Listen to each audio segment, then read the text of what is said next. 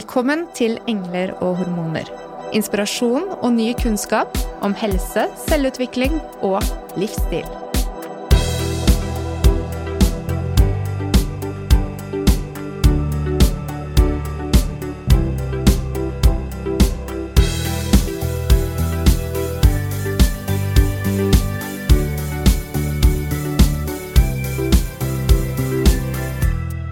Vi har lyst til å løfte frem noen av de gamle episodene som eh, kanskje er nye for dere lyttere som har kommet til oss.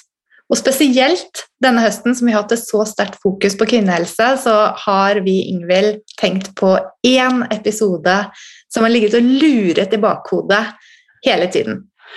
Ja, den, det var faktisk den 16. episoden, episoden som vi spilte inn, Mona. og Det begynner jo å bli ja, det er godt over 100 episoder siden, men allikevel eh, så velger vi nettopp den. Fordi at eh, for å kunne ha en forståelse for hvor vi er i dag, så er det så viktig å ha kunnskap om historien. Og det er jo derfor vi har valgt å løfte frem nettopp denne episoden. Én ting er at Cecilie Arendt Hansen, som var gjest i denne episoden, beskriver hvordan det var å være kvinnelig medisinerstudent på slutten av 1800-tallet, men også hvordan samfunnet møtte disse modige kvinnene. Det er interessant i seg selv, eh, men det gir også en veldig interessant kontekst til um, det som Camilla har snakket om, f.eks. det som går på um, eh, hvordan vårt mindset påvirker hva vi gjør. Fordi når vi ser tilbake på hva disse damene klarte å altså, gjøre med sine forutsetninger, så er vi så utrolig heldige der vi står i dag. Og vi behøver egentlig ikke være så redd for å tørre Nei, det tror jeg er kjempeviktig. Fordi på slutten av 1800-tallet så var det da denne lille gruppen med kvinner som var kjempemodige. Eh, de utdannet seg til leger, selv om de bare noen få år tidligere var nektet tilgang på lesesalen og heller ble sett på som reproduksjonsmaskiner. Og i sitt virke så la de altså grunnlag for veldig mye av det som vi faktisk nyter godt av i dagens samfunn, og det er litt fint å tenke på. De var medisinske pionerer, og de var kvinnesakskvinner. De var visjonære, og de var kunnskapsrike. Og ja, la oss si det sånn at de var eh, ja, modige. Jeg vet ikke om modige er Men de, ja, de var pionerer, da. Mm. Og så er det jo sånn at vi vet at vi fremdeles har en lang vei å gå når det gjelder kvinnehelse og utvikling av um, våre, vår kunnskap og vår evidensbaserte praksis. Men hvis vi tar et litt sånn lateralt blikk da, på andre ting som skjer i samfunnet, så er det også veldig aktuelt å se hvordan kvinner fortsatt kjemper sin kamp for å kunne være etablert i ulike yrker. Jeg refererer til Kode24 sin sak f.eks. om kvinner i tech. Eh, sånn at Dette er jo også problemstillinger som vi eh, møter i klinikken i dag, eh, i forhold til hvordan kvinner kjemper for å bli tatt på alvor tross sitt biologiske opphav. Ja, du skal jo ikke så veldig mye eh, mange uker tilbake i tid heller. Du nevner jo dette med, med, kvinner i tech, men eh, også utsagn fra kjente psykologer om eh, om eh, hvordan kvinner mister eh, sin attraktivitet når de når 40-årsalderen eh, og ikke lenger er like fertile. Mm -hmm. Markedsverdi. Markedsverdien. Og, markedsverdien på mange områder da, har jo endret seg fra kvinner heldigvis opp gjennom historien, og vi heier på at det skal fortsette å endres. Og ønsker at denne episoden skal være til kunnskap og inspirasjon for alle kvinner som vil og at vi skal tørre. Mm. Mm. God lytt. God lytt.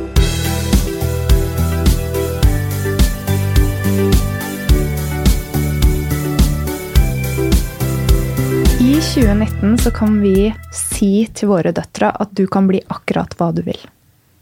Men de mulighetene som har kommet til oss, de er blitt fremkjempet av sterke kvinner i generasjoner før oss. Historien om de kvinnelige pionerene i medisinen det har nå blitt til en bok, og det er en fascinerende historie.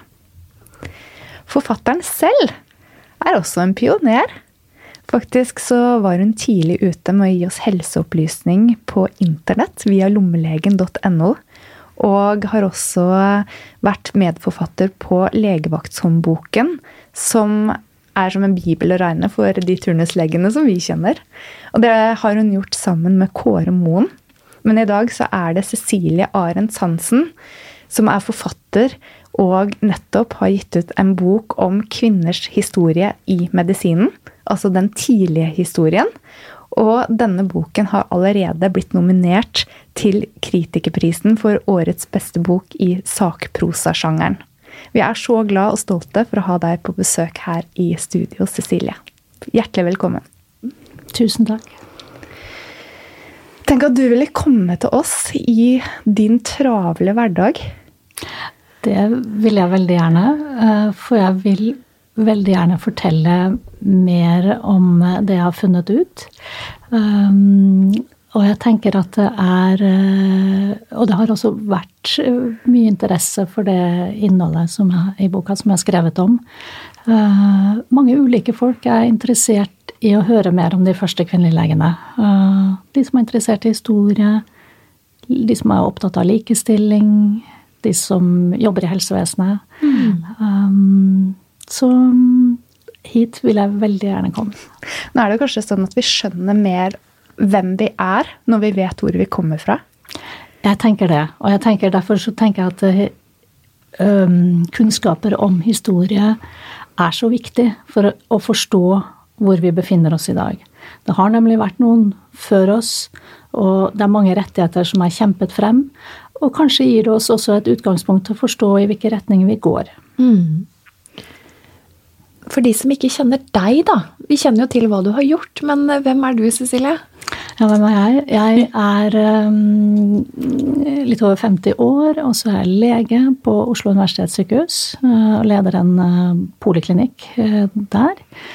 Jeg er psykiater, jeg har vært allmennlege før.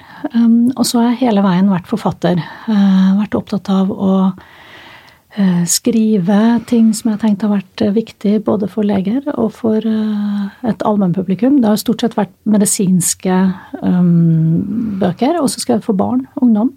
Uh, men denne gangen har jeg gått uh, tilbake i historien og skrevet til grunn av min første sak, litterære sakprosabok uh, om et historisk tema. Mm. Som ikke har blitt løftet fram i dagens lys egentlig før nå? For de er vel sånn glemte pionerer, disse kvinnene? Ja, og det er et veldig interessant poeng. For hvorfor vet vi ikke noe om dem? Mm. De har jo faktisk vært med på å påvirke vår historie. Ikke bare kvinnehistorie, men hele nasjonens historie. Um, og det handler jo antagelig om hvordan historien er skrevet, hvordan man um, har tenkt om hva som er viktig å hente frem. Og mye av den hva skal vi si, klassiske medisinhistorien den har jo handlet om Eh, hvem som var professorer, og hvem som hadde høyere stillinger eh, innenfor helsevesenet. Mm. Så hvis vi da skal bli dratt litt tilbake i tid, da, til 1800-tallet, som eh, jo er der du starter Hvor, hvor det hele starter? Ja. Hvordan ser Norge ut da? Kan du male litt for oss? Hvor er det vi befinner oss? Hvis vi f.eks. går tilbake til begynnelsen av 1880 80-årene. Um, og jeg tenker at 1880-tallet er et utrolig interessant tiår i norsk historie. Det er da det skjer. Da blir de politiske partiene dannet. Um, regjeringen Selmer blir dømt i riksrett, uh, og parlamentarismen blir innført. Altså det er begynnelsen på demokratiet. Um, tog og telefon og elektrisk strøm er funnet opp og blir i økende grad tatt i bruk. Uh, Norge er jo et fattig land, en av de fattigste i Europa. Um, men både ute i Europa og i Norge så har legene begynt å operere med antiseptiske teknikker. Det var jo en, et veldig viktig gjennombrudd, og de første bakteriene er oppdaget. Um, I Norge så bor det to millioner mennesker på begynnelsen av 1880-årene. Um, Henrik Ibsen har jo nettopp publisert et dukkehjem.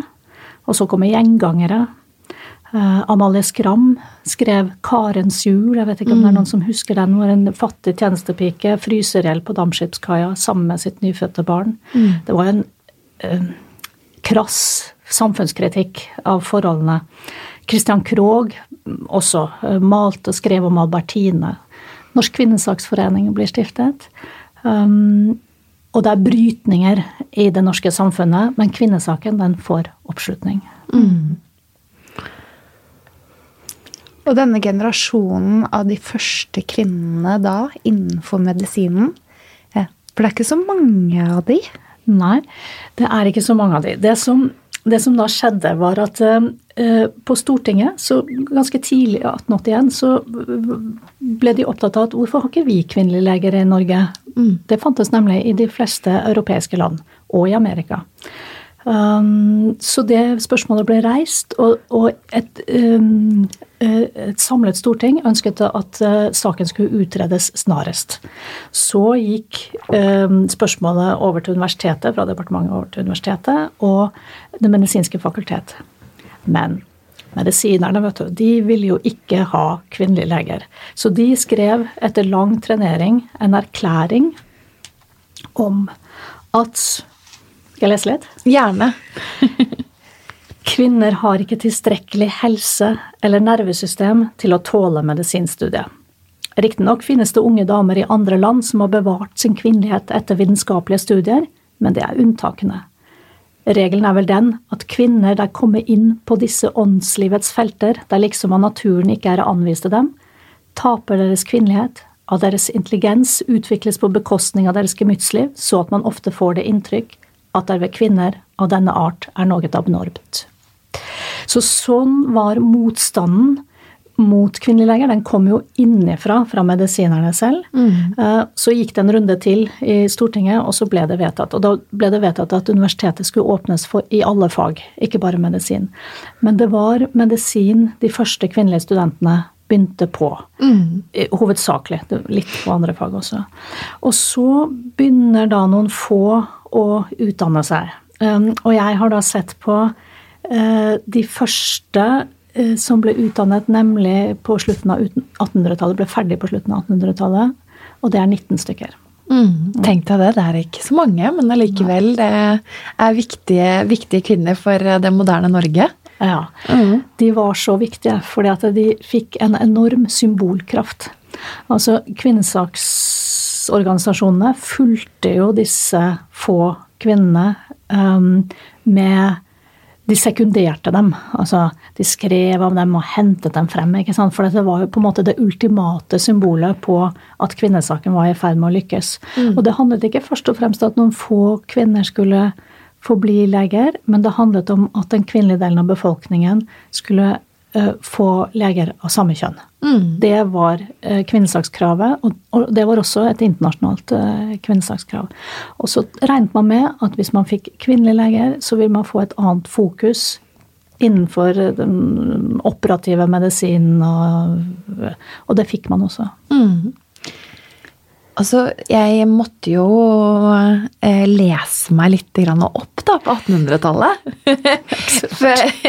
nei, jeg husker veldig godt et dukkehjem fra ungdomsskole og videregående og diverse, men eh, allikevel eh, Teoriene rundt kvinne, kvinnekroppen på 1800-tallet, det, det mm, konstruerte kanskje en kvinne som ikke helt hadde kontroll over egen kropp, og med Sigmund Freud og ja, ja, er, her er det masse, ikke sant. Ikke sant? Men, men, det som det som i hvert fall øh, Som har gjort seg gjeldende, som jeg finner igjen i både motstanderne og egentlig støttespillerne, ja. øh, det er den voldsomme troen på at menn og kvinner, i hvert fall sånn følelsesmessig og intellektuelt, var motsetninger. Mm. Um, at kvinnen var føyelig, mens mannen var bestemt. Um, kvinnen lo seg påvirke av følelser, mens mannen evnet å ha, opprettholde sin dømmekraft uansett hva han ble utsatt for. Altså um, uh, Ja, at de, at, de, at de, hadde komplementære liksom, egenskaper, det var det uh, en sterk tro på. Og det uh, trodde nok mange i kvinnesaksmiljøet også. for det de tenkte, var at når kvinner slipper til, så Eh, kommer de med sine kvinnelige, typiske kvinnelige egenskaper, og det handlet om humanisme, medmenneskelighet, um, at man var fredsfremmende, at man var antimaterialister, altså sånn, så ville um, ulike bransjer og felt bli farget av de kvinnelige verdiene. Mm. Dette var gjengs tenkning. Mm. mm. Oh, ja, nei, det er, ja, det er utrolig eh, interessant uh, å høre. Um, hvordan var det du valgte fram disse legene, da? Det var jo 19 stykker som uh, Ja. ja jeg, jeg, tenkte at jeg, jeg, jeg, må begrense prosjektet mitt litt, for ja. ellers så holder jeg på resten av livet, og det, det blir, flyter ut. Så jeg tenkte at vel, jeg må velge meg en gruppe å følge. Eh, og da tok jeg de som var utdanna på slutten av 1800-tallet, til og med 1900.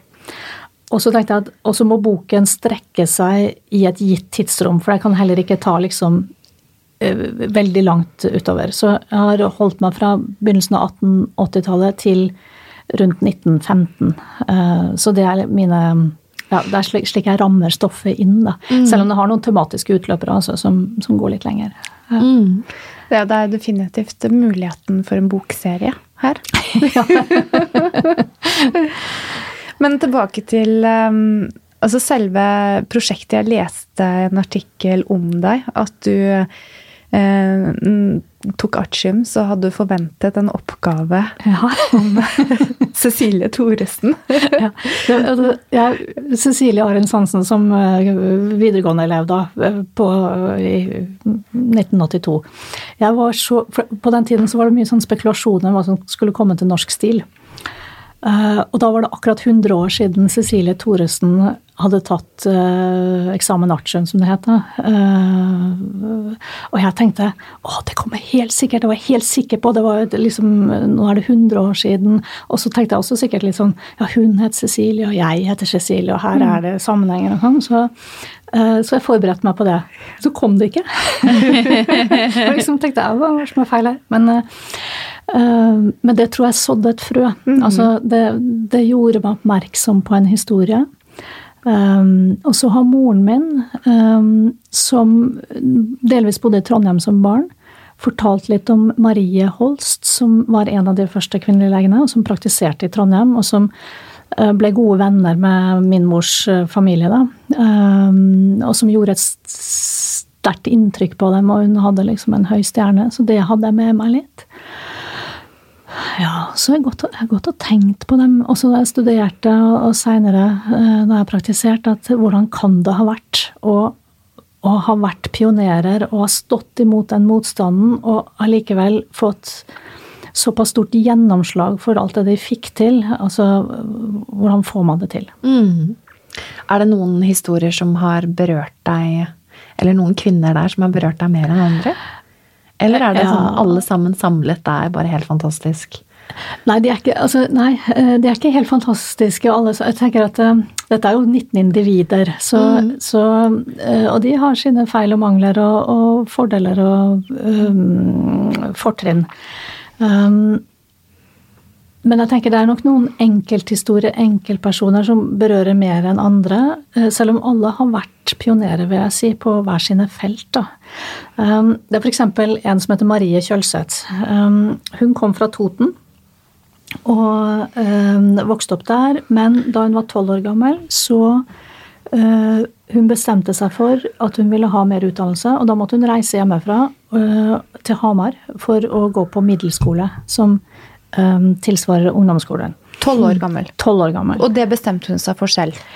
Jeg tror hun var sterkt influert av sine foreldre, som ja. var venstrefolk, og som ønsket at kvinner skulle ha utdanning. For mm. søsteren hennes fikk også utdanning, nemlig.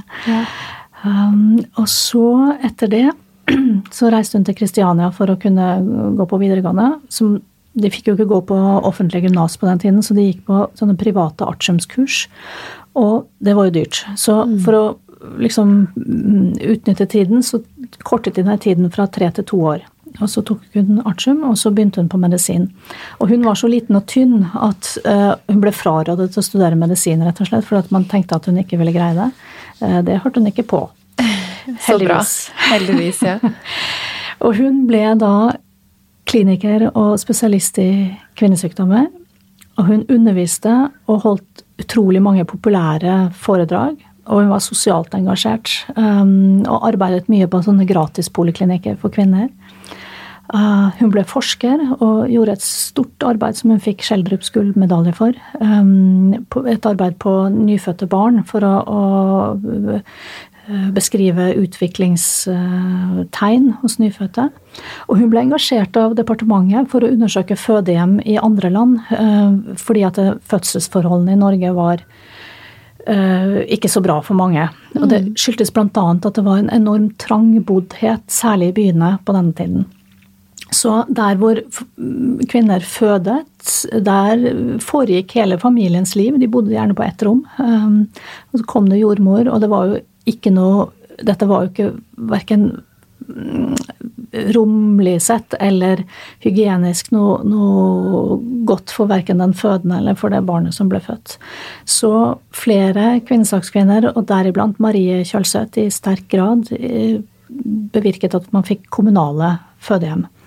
Eh, for å bedre fødselsforholdene, men også for å gi opplæring eh, til den som nettopp hadde fått et barn. Hun var også med på å revidere jordmorutdanningen. Eh, mm. Og var også tidlig ute med å si at jordmødre de bør etter en uke dra hjem til den som har født, for å gi mer opplæring, for å se hvordan det gikk med barn, mor og barn. Og um, var tidlig egentlig ute med veldig mange ting. Og så må jeg si at Marie Kjølseth har vært en viktig bidragsyter til vår tidlige stemmerett for kvinner. Mm. Så hun er en viktig person. Og tilbake til det dere spurte om helt til å begynne med. Hvorfor er ikke disse kjente? Det er jo helt utrolig at Marie Kjølseth står det ingenting skrevet om. Mm. Uh, hun har påvirket vår historie. Ja, for man kjenner jo igjen da barselomsorgen sånn som den er i dag, da. Ja, ja. Mm, med hjemmebesøk og ja. ja. Og hun påvirket f.eks. ekteskapsloven, som um, som Altså, mm, jeg skal forklare det. Eh, hun og flere kvinnelige leger, og flere kvinner egentlig, eh, ønsket at kvinner skulle få bedre beskyttelse mot overføring av kjønnssykdommer. Eh, for det som ofte skjedde, var at man giftet seg med en mann som f.eks. hadde syfilis fra før av. Mm. Det var jo en livsfarlig sykdom. Og det førte også til at barn kunne bli født med syfilis. Så de hadde Eh, ja, drev utredningsarbeid, og ekteskapsloven ble faktisk eh, forandret. Akkurat slik eh, Marie Kjølseth ønsket, mm. og det står fortsatt. Mm. Det står i vår nåværende lov. Hva er det som står der? Bare... Der står det at Dette er jo opplysning ja, det er generelt. Um, at den som gifter seg, um, må oppgi om en har en um, smittsom sykdom, smittsom kjønnssykdom, um, sli, og slik at den man gifter seg med, skal få opplysning om hva det vil si, hva det betyr. Ja. ja. Mm. Fantastisk. Hvordan fant du ut av dette da, Cecilie, siden eh, ikke det står så mye om Marie og disse andre kvinnene i historiebøkene fra før? Det har vært et um et stort arbeid. og et møysommelig arbeid, og et veldig fantastisk morsomt arbeid. Um, og det har uh, Jeg har jo vært i veldig mange forskjellige arkiver. Uh, 25 arkiver, egentlig, uh, for å prøve å finne svar. Og så har jeg lest i masse i gamle aviser og gamle tidsskrifter. Det, dette fins på Nasjonalbiblioteket, så har man det på mikrofilm. Og etter hvert også digitalisert noe av det. Um, så jeg har vært i Universitetsarkivet, det har vært et viktig arkiv. Uh, og jeg har vært i Forvaltningens arkiver. Jeg har vært i Katja Anker Møllers arkiv, det har også vært veldig viktig. For Katja Anker Møller, som var en av forrige århundrets uh, sosial, store sosialreformatorer, hun var jo engasjert for de kvinnelige legene.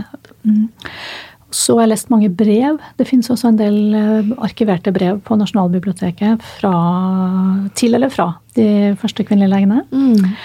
Og så har jeg intervjuet slektninger. Det finnes og noen eldre pasienter. Um, og det fins jo fortsatt, det er jo det fascinerende, det lever fortsatt mennesker som husker noen av dem. Altså, ja. Det er ikke lengre siden. Nei, ikke sant? ja, Og så har jeg gjort et, noe som jeg tror var lurt. Jeg leste gjennom uh, nesten 30 årganger av noe som heter Nylende, som var Kvinnesaksforeningens tidsskrift.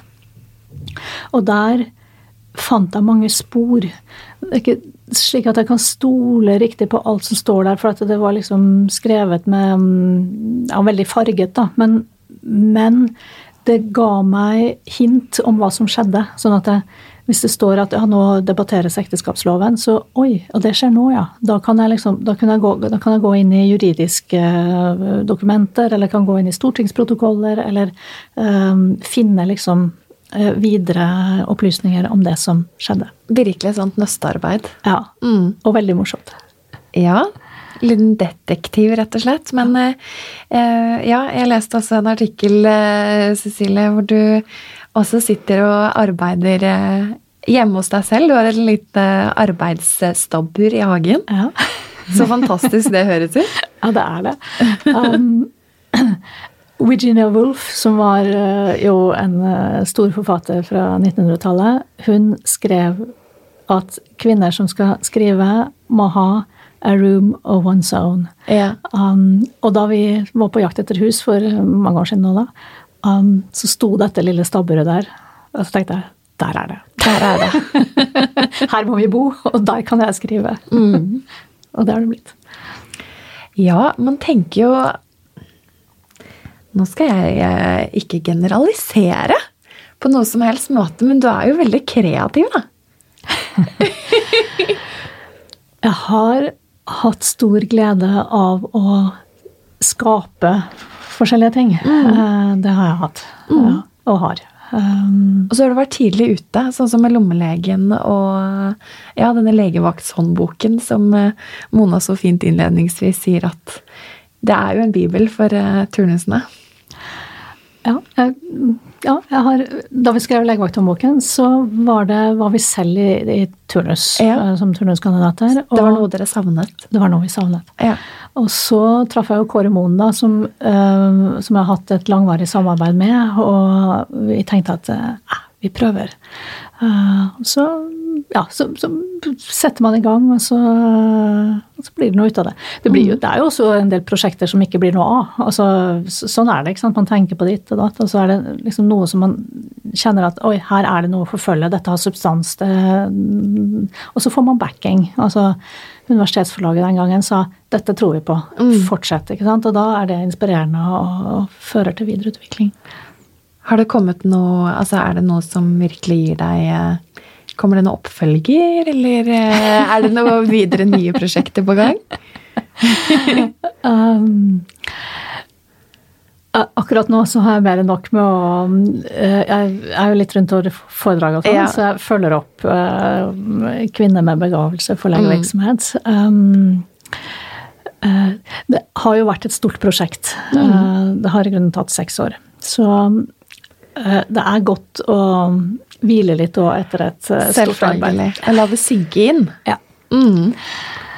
Jeg blir så nysgjerrig på titlene, Cecilie. Ja. 'Kvinner med begavelse for' ja. legevirksomhet. Fordi ja. det du refererte til i det første svaret fra universitetet, når de skulle utrede mulighet for kvinner skulle få lov til å studere, så ga det jo absolutt ikke inntrykk av at den setningen eh, kom fra universitetet. Hvor har du funnet eh, dette? Godt poeng. Den kom ikke fra universitetet. Universitetet har jo sjelden ligget i front av en samfunnsutvikling. I hvert fall ikke da. Eh, så og dette her er på en måte skismaet mellom embetsmannsstaten som Embetsmennene styrte egentlig Norge, og den begynnende parlamentarismen og det demokratiseringen som skjedde. Dette at vi fikk partier, og at Stortinget fikk mer å si. Så Stortinget ønsket at vi skulle ha kvinnelige leger, men syv medisinske professorer fikk stoppet det. Det var i 1881. Og så Tre år seinere, i 1884, så har denne riksrettsdommen uh, vært. Og det betød at um, regjeringen måtte forholde seg til Stortinget. De folkevalgte tok revansj, egentlig. Og da var det den samme stortingspolitikeren, en som het Livius Smith, som første gang reiste spørsmålet om kvinnelige leger. Han ga seg ikke, og reiste det igjen. Og i hans prosedering eller eh, argumentasjon overfor Stortinget hvorfor vi skal ha kvinnelige leger, så sa han at det er et stort tap for samfunnet at kvinner med begavelse for legevirksomhet er blitt henvist til kvakksalveriets enemerker. Ja. En liten nasjon som vår må vite å utnytte sine talenter hvor enn de måtte finnes. Mm. Så det var en del av hans argumentasjon, og han var virkelig en pådriver. og Han var en konservativ politiker, faktisk. Altså moderat konservativ. Han, da partiene ble dannet, så gikk han inn i Høyre. Um, men han var liberalist, egentlig, og veldig pragmatisk. Mm. Og en kvinnesaksforkjemper. Ja, altså jeg, jeg, vil også sette det stempelet på han som ja. umiddelbart å hylle at han fikk dette gjennom. Det er ja. jo fantastisk. For det, på dette tidspunktet og frem egentlig til at disse første kvinnelige legene var utdannet og drev virksomhet, så hadde de jo ikke stemmerett. Nei.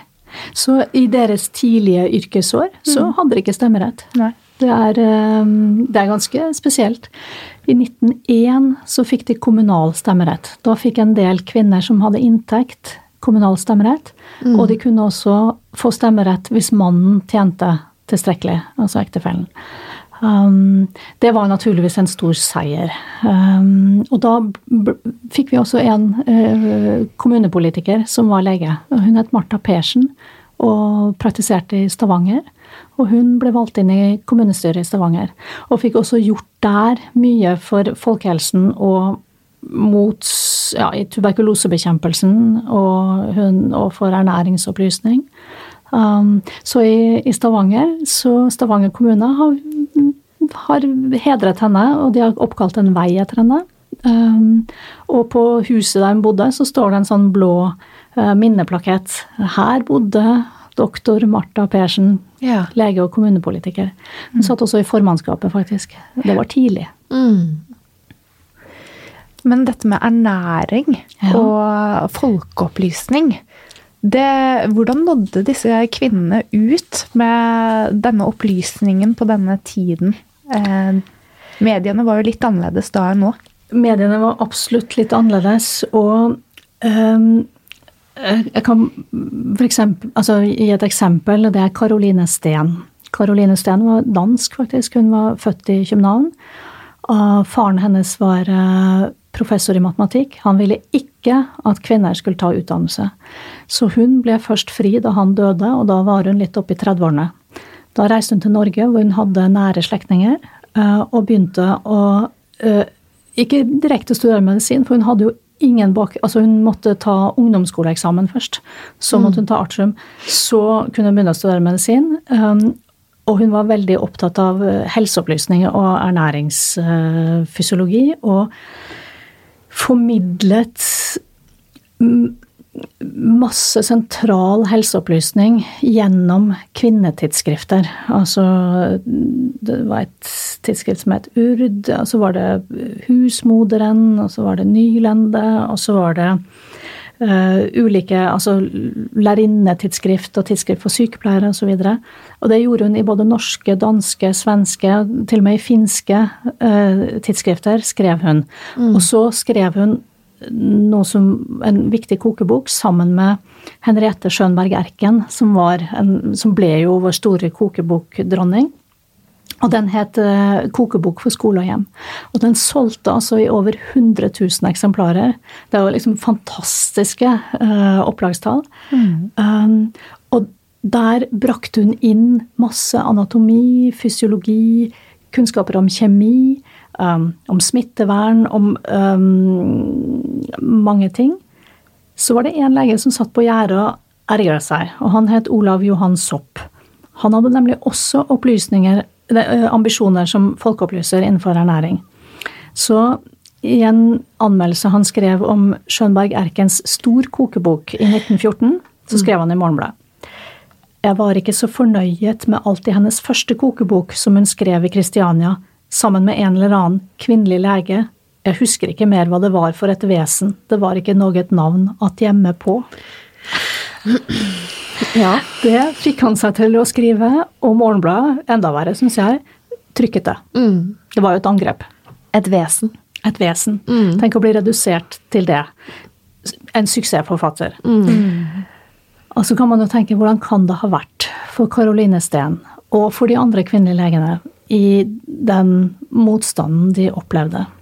Det har jeg tenkt mye på. Hvordan mm. orket de? Hvordan klarte de det? De ble jo angrepet fra kolleger, ikke sant? Fra, fra sine egne.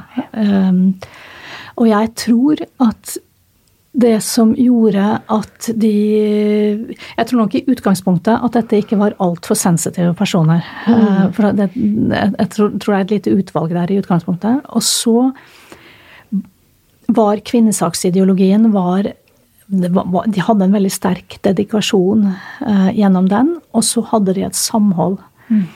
legene imellom, men også med mange kvinneorganisasjoner, egentlig. Kvinnesaksorganisasjoner, men også sanitetsforeninger, altså foreninger som var opptatt av sosiale spørsmål. Sånn at de hadde egentlig en rik backing. Eh, og det tror jeg er forklaringen på at de holdt det ut å bli kritisert på den måten som Caroline Steen ble offentlig. Mm. Ja, det er fascinerende, og det er jo egentlig like aktuelt i dag som det var den gangen. Eh, dette med kvinner som støtter kvinner eh, for å løfte frem både kunnskap og kvinner som har lyst til å gjøre viktige jobber. Ja. Og jeg tenker sånn um, Offentlig kritikk, uh, det er jo så antidemokratisk Altså på sånne antidemokratiske måter, da. Det skjer jo i dag også. Det ser vi jo på kvinnelige politikere, eller kvinner som uttaler seg. Um, kvinner med innvandrerbakgrunn. Uh, altså hva slags forferdelige uh, skjellsord og uh, kommentarer de mottar, i mye mm. større grad enn menn som ytrer seg, gjør. Mm. For. Mm. Ja. Er det noe mer du vil trekke frem, Cecilie, i forhold til eh, Før vi hopper over til da nåtiden? For det er jo den gang da som så mye viktig skjedde med disse kvinnene, som vi kan lære av. Jeg har lyst til å si det at da de kvinnelige legene slapp til, så ble de en ressurs for samfunnet. Mm. Og det viser jo hvordan en frigjøringskamp uh, faktisk, når den lykkes, uh, kommer veldig mange mennesker til gode. Mm. Det syns jeg er et sentralt poeng. Fordi de første kvinnelige legene de hadde et annet blikk. De tenkte annerledes. De var farget av den tidlige kvinnesaken med begeistring og idealisme og optimisme og kanskje litt naivitet. Men de fikk også til veldig mye, fordi de gikk uforferdet inn i store folkehelseoppgaver reservasjonsløst og uten betaling, og de gikk f.eks. inn i feltet ugifte mødre, såkalt uekte barn, som var jo et forferdelig drama i tiden, og et godt stykke inn på 1900-tallet. Mm. Eh, der var det sånn at eh, særlig i byene, da, hvor det kom flyttende til mange kvinner, så ble disse barna gitt bort, satt bort. Eh, og i stor grad døde, faktisk. De ble mm. vanskjøttet og døde, og noen ble også myrdet. Det er jo et eh, Dersom vi ikke kan tro at det tilhører vår moderne historie. Men mm. den innsatsen der handler jo om å oppgradere menneskeverdet. Oppgradere kvinner og barns menneskeverd. Mm. Eh, så den, den, det var et helt konkret arbeid, men det underliggende handler jo om uh, noe som er veldig visjonært og, og større. Mm. Så hvordan er det Ja, hvis vi drar eh, parallellene til nåtid? Ja. Um, hvis jeg ser på min egen profesjon, da, mm. uh, så um, Nå er det jo da 70 omtrent av de som begynner på medisinstudiet i Norge, er jenter. Mm. Kvinner. Um, så der har det skjedd en stor utvikling. For da disse kvinnelige, de første kvinnelige legene studerte, så var de 4 mm. Det er jo et voldsomt sprang. Så man kan komme til å tenke at nå er alt snudd på hodet. Og noe er jo snudd på hodet. altså det Studentantallet tyder jo på det. Men hvis man ser litt nærmere på Um, hva blir kvinnelige leger i dag? Uh, hvordan går det? Mm. Um, og her finnes det noen tall, men ikke så veldig mange. Men det jeg har funnet, da, som jeg har fått fra Legeforeningen, det er at uh, hvis man ser på professorater, altså høyest opp i det akademiske hierarkiet, så er det bare 20% kvinnelige professorer i medisin. Mm. Um, og det er mer enn etterslepet skulle tilsi. Fordi um, det har jo vært flere mannlige leger før, og professorer er jo litt eldre, sånn at man, det er en større gruppe å velge det ut ifra. Mm. Men dette er uh, en skjevfordeling som ikke bare kan forklares med det. Mm. Og det gjelder i enda større grad professor to-stillinger. Og så har jeg sett på leger som blir ledere der ser man det samme. Ikke så mye på ledere på lavere nivåer, men hvis du går opp i hierarkiet, så er det uh, uforholdsmessig mange menn. Mm. Uh, og så finner man det samme i kirurgiske fag, særlig i noen spesialiteter. Sånn som spesialiteten generell kirurgi. Der er det bare 16 uh, kvinnelige leger, faktisk. Mm. Så det står ting igjen. Mm. Absolutt. Um og dette må jo også gjenspeiles i forskningen, da, tenker jeg. Uh, jeg tenkte på forskning på Kvinner og barn, f.eks. Eller på kjønn, da. Ja. Nå er vi kanskje på et felt som jeg ikke vet all verdens om. Uh, men jeg har i hvert fall lett etter spesifikk forskning på hvorfor det er kjønnsforskjeller. Ja. og det er det veldig lite av. Mm. Uh, men, men det fins litt på hvorfor kvinnelige leger velger som de gjør, uh, og litt på barrieren um, Eller konflikten å stå mellom altså um, krav på arbeidsplass og uh, ønsker om å følge opp hjemme. Og det um, er kvinnelige leger plaget av, men ikke mannlige leger, viser det mm. seg. Mm. Men så er det mye forskning som er utenlandsk, og det er ikke direkte overførbart til norske forhold. F.eks. For amerikansk forskning. Eh, for det, det er såpass store kulturforskjeller.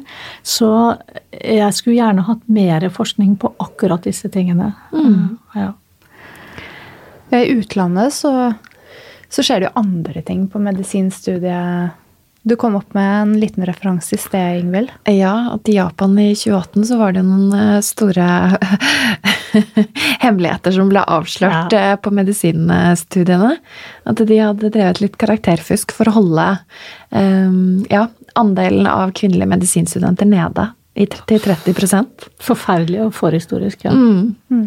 Og det var da i 2018, ikke sant? Mm. Så vi har jo fortsatt et lite stykke igjen å gå disse kampene våre, de og så tenker jeg at det, er jo ikke avsluttet. Det er ikke avsluttet. Og er det noe vi kan lære av historien til de første kvinnelige legene, så er det den bevisstheten de hadde. Altså, mm. de var liksom De fulgte veldig nøye med. Fulgte med hvis det ikke var representasjon av kvinner i noen utvalg eller komiteer. Eh, de fulgte med på forvaltningens eh, avgjørelser og politiske avgjørelser, naturligvis. De hadde en veldig årvåkenhet, og den tenker jeg den kan vi lære av i dag også. For ingenting er statisk. Mm. Uh, og til og med goder som, er, uh, som vi har fått, kan bli satt under press. Mm. Så um, jeg tror man skal være på, bevisst uh, følge med. Um, og se på hvordan de håndterte dette. Og at det nytter, da. Og at det nytter, ikke sant. Mm. Um, For det er det jo virkelig et bevis på. De startet uh, fra ingenting og se hva de har fått til, og hva slags ringvirkninger det har for, uh, ja, for helse, folkehelsen i dag.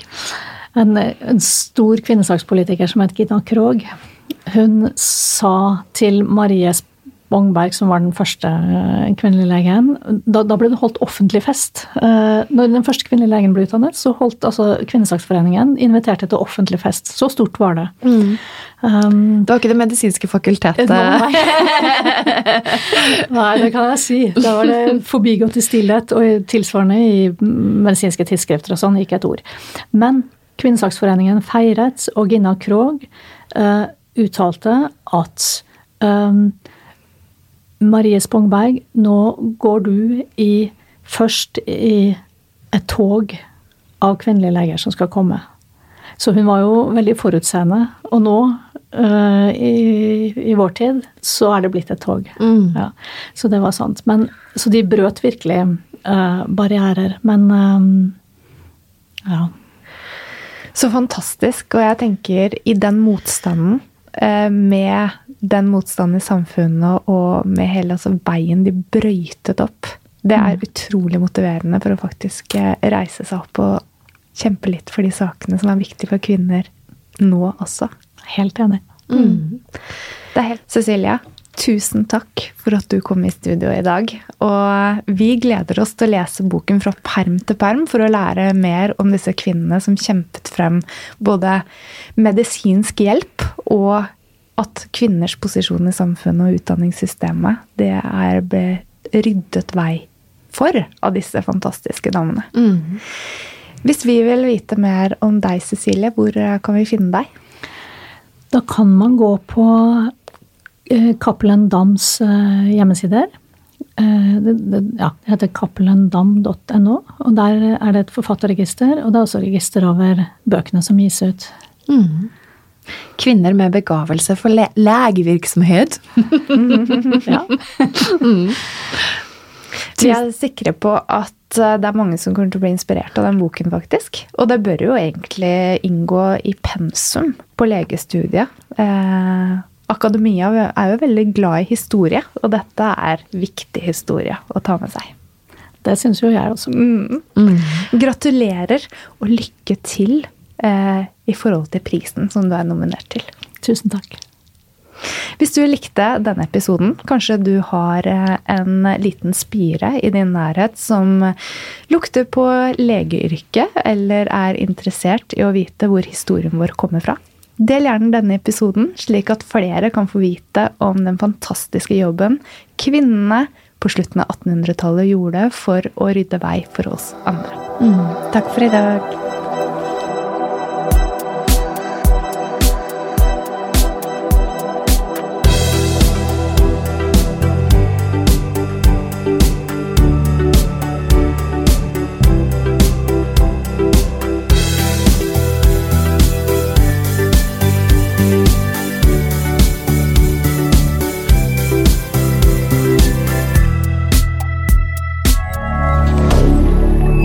Media.